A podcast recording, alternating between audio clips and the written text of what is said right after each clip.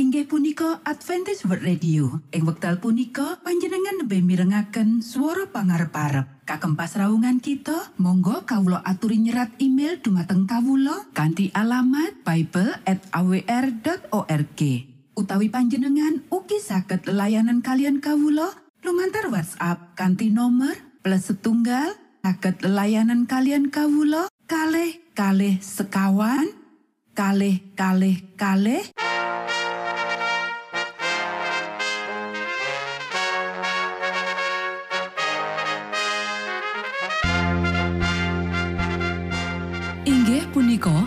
Adventist World Radio ingkang giaran kanti basa Jawi. Tentrem Rahayu kula aturaken kagem para mitra kinasih ing pundi papan lan panggonan. Sugeng pepanggian malih kalian Adventist World Radio. Kanti bingahing manah Kulo badi sesarengan kalian poro mitra. Lumantar saperangan adicara ingkang sampun rinonci. Mligi kagem panjenengan sami. Mugi giaran punika saged migunani tuen dados berkah kagem kita sedoyo.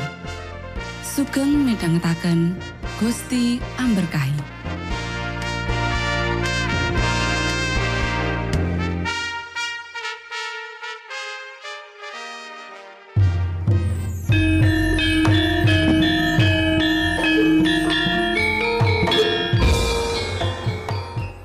Para pamirsa kinasih ing Gusti Yesus Kristus. Ing wekdal punika, kita badhe sesarengan ing adicara ruang kesehatan. Ingkang saestu migunani kagem panjenengan saha kita sami. Tips utawi pitedah ingkang dipun aturaken ing program punika tetales dawuhipun Gusti ingkang dipunnyatakaken ing kitab suci. Semanten ugi sakehing seratan ingkang dipun wangsitaken dening Gusti Allah. Nanging saderengipun, monggo kita sami midhangetaken kidung pujian.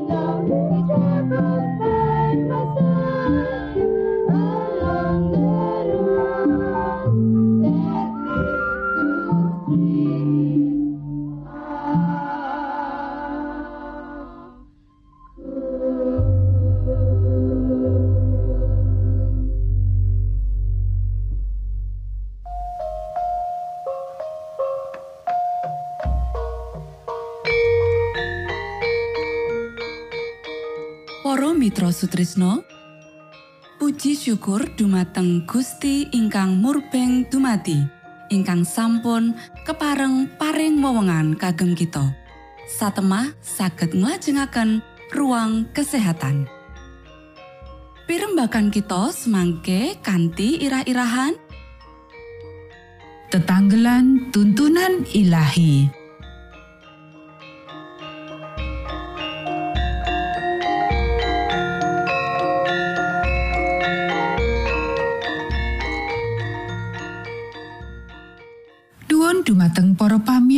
ingkang dahat kinurmatan sugeng pepanggian malih kalian kula Isti Kurnaidi ing adicara ruang kesehatan. Ing dinten punika kanthi irah-irahan tetanggelan tuntunan ilahi. Para sederek ingkang kinasih Gusti bakal mulang akeh wong ing salumaing jagat kanggo gabungake wowohan wiji-wijian lan jejanganan dadi sawijining panganan sing nyokong panguripan sing ora nggawa leloro. Wong-wong sing ora tau ndeleng resep panganan sehat kaya sing ana ing pasar saiki iki bakal makarya kanthi wicaksana kanggo ngenekake percobaan ngolah asil bumi. Dheweke bakal antuk pepadang ngenani pangolahan hasil bumi iki. Gusti bakal nuduhake marang dheweke opo sing kudu ditindakake. Panjenengane bakal maringi keterampilan lan pangerten marang umate ing bagian donya liyane. Ya iku rancangane Gusti supaya pacawisan panganan ing saben negara bisa disediakake sak bisa-bisane supaya bisa digunakake ing negara liya. Kaya dene Gusti Allah wis maringi manah saka swarga kanggo nyokong panguripane bangsa Israel mangkono uga saiki panjenengane maringi marang umate ing papan sing beda keterampilan lan kawicaksanan kanggo gunakake hasil negara sakjroning pengolahan lan kawicaksanan kanggo nggunakake hasil negara sakjroning pengolahan panganan sing bisa ngganteni panganan daging. Para sederek, ya iku rancangane Gusti supaya ing saben papan pria lan wanita bakal disurung kanggo ngrombakake talentane kanggo nyediakake maneka warna panganan sehat lan hasil bumi alamiah ing wilayahe.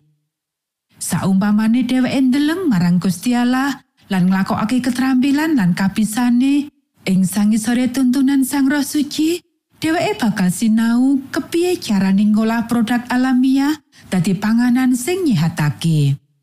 Kanti mangkono, dheweke bisa mulang wong mlarat kepiye nyediakake panganan kanggo awake dhewe, yaiku panganan sing bisa nganteni panganan daging. Wong-wong sing ketulung kosok balen bisa mulang wong liya.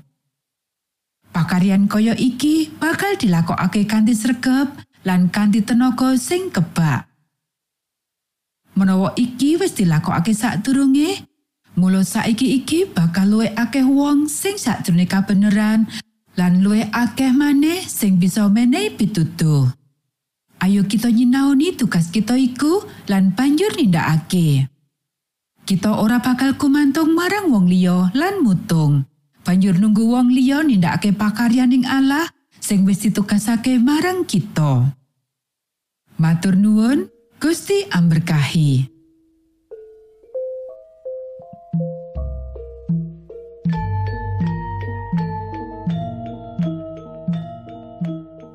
Cekap semanten pimbakan ruang kesehatan ing episode dinten punika. Ugi sampun kuatos jalaran kita badhe pinanggih malih ing episode sak lajengipun.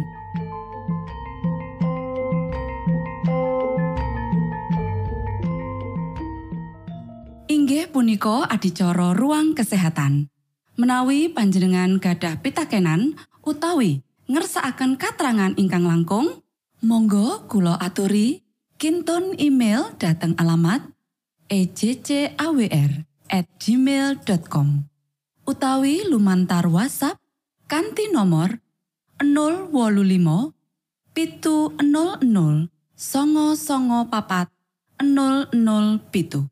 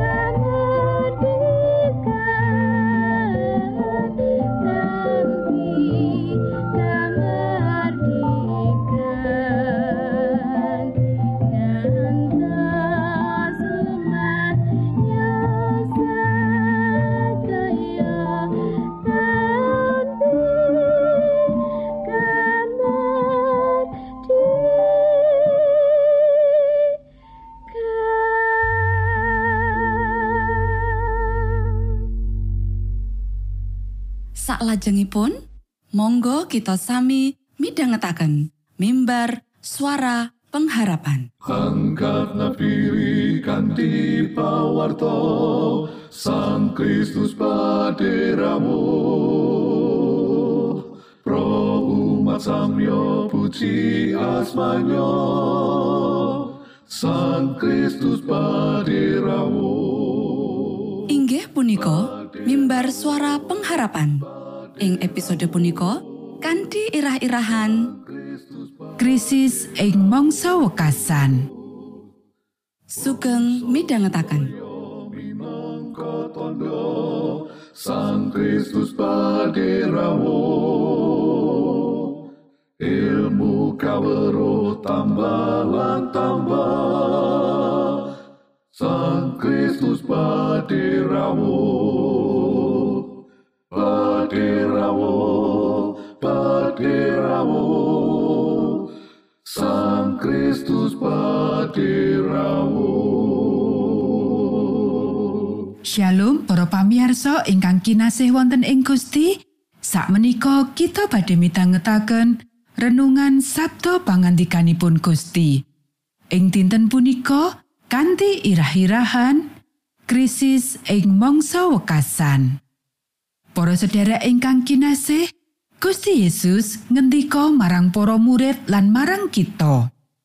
Mulane padha lunga sakabehing bangsa padha dadekno siswaku lan padha baptisen ing asmane Sang Rama, Sang Putra lan Sang Roh Suci. Apa dene padha wulangen bab apa wis dak dawuhake marang kowe kabeh.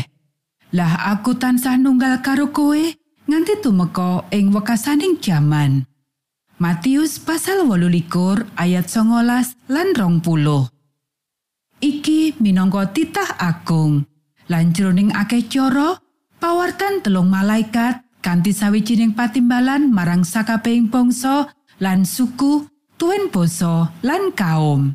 Wahyu pasal 14 ayat 6 minangka pratelan saka kayekten jaman iki. Loro Petrus pasal siji ayat rolas saka titah agung. Para sederek, ayo diwaca Kitab siji Yohanan pasal papat ayat wolu. Sopo kang ora nindakake katresnan, iku ora wanuh karo Gusti Allah. Ujar Gusti Allah iku katresnan. Loro Petrus pasal telu ayat songo. Mung bae para kekasih, kowe aja padha kelalen prakara siji iki. Ya iku yen ing ngatasé pangeran sadina iku prasasat sewu taun, sarta sewu taun prasasat sedina. Siji Timotius pasal loro ayat papat. Kang supaya wong kabeh padha kapitulungan rahayu lan padha oleh pangawruhing kayekten. Purwaning tumati pasal rolas ayat telu. Sopo kang berkahi sira mesti bakal sun berkahi. Kang ipati-pati sira bakal sun ipati-pati. Sarto sira bakal dadi jalarane para bangsa ing salumahing bumi padha binerkahan. Para sederek ingkang kinasih, se katresnani Gusti Yesus yaiku kanggo sakabehing umat manungsa tanpa ana golongan manungsa kang keri. Kosok balen karo teologi kang mulangake menawa Sang Kristus sedo mung kanggo golongan pinunjul kang wis katentokake. Kitab suci cetha banget nyatakake menawa setane Gusti Yesus minangka kanggo sakabehing umat manungsa ora peduli ras, suku utawa faktor liyane. Menawa sampeyan menungso, Sang Kristus sedo kanggo sampeyan. Titik. Kang dadi pitakonan kanggo sakabehing wong ya iku, piye oleh sampeyan nanggepi setani Gusti Yesus? Para sedherek ingkang kinasih, nalika Gusti Yesus rawuh, mung ana loro golongan wong kang cetha disawang. Kapisan, golongan kang cunduk marang panguasane iblis lumantar institusi agama lan politik kaya dene kang katuduhake ing kitab Wahyu pasal telulas lan Wahyu pasal pitulas. Kapindo, para wong kang cunduk marang Gusti Yesus kang imane katuduhake lumantar netepi pepakone Allah lan percaya marang Gusti Yesus. Wahyu pasal 14 ayat rolas. Para sederek awit saka wiwitan, umat manungsa wis nduweni bukti bab sapa sejatining Allah lan dalan kayekten lan katresnane. Rom pasal siji ayat 18 nganti rolas.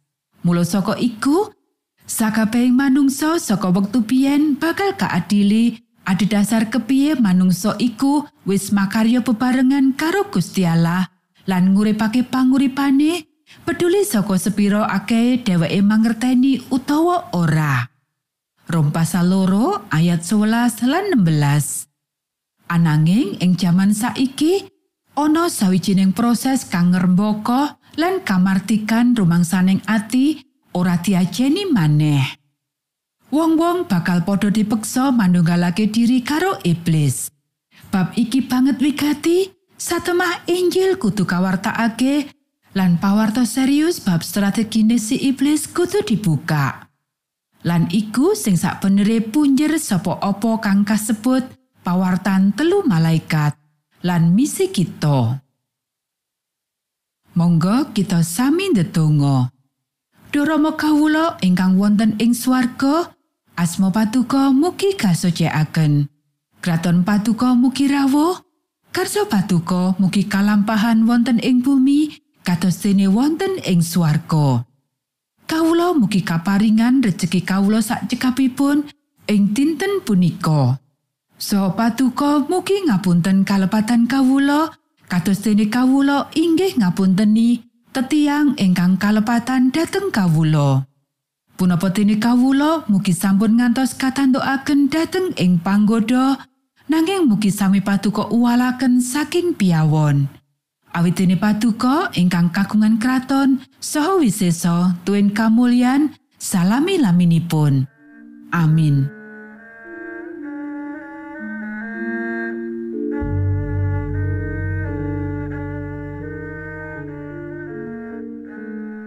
Mitra Sutrisno pamiarsa kinasih ing Gusti Yesus Kristus. Sampun paripurno pasamuan kita ing dinten punika. Menawi panjenengan gadah pitakenan utawi ngersaakan seri pelajaran Alkitab suara nubuatan Monggo Kulo aturi kinton email dateng alamat ejcawr utawi lumantar WhatsApp kanti nomor 025 pitu 00 songo songo papat 00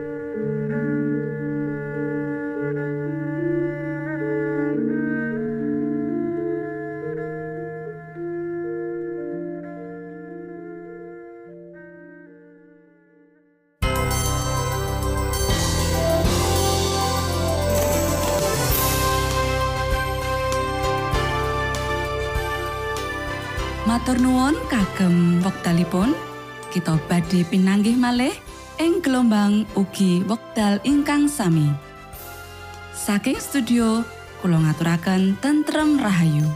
Gusti amberkahi kita sedoyo Maranata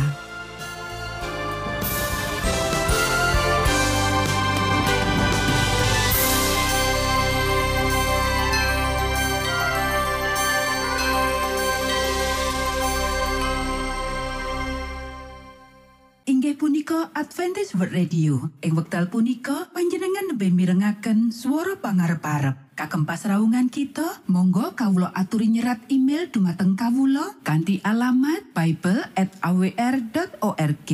utawi panjenengan ugi saged lelayanan kalian kawulo lumantar WhatsApp kanthi nomor plus setunggal saged lelayanan kalian kawulo kalih kalih sekawan kalih kalih kalih